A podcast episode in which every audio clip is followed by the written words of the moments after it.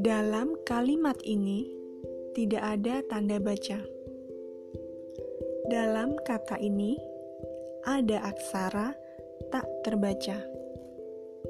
Miring atau tebal, semua sama saja. Dalam dongeng kekal hanya ada suara kita. Raden Sarwono Hadi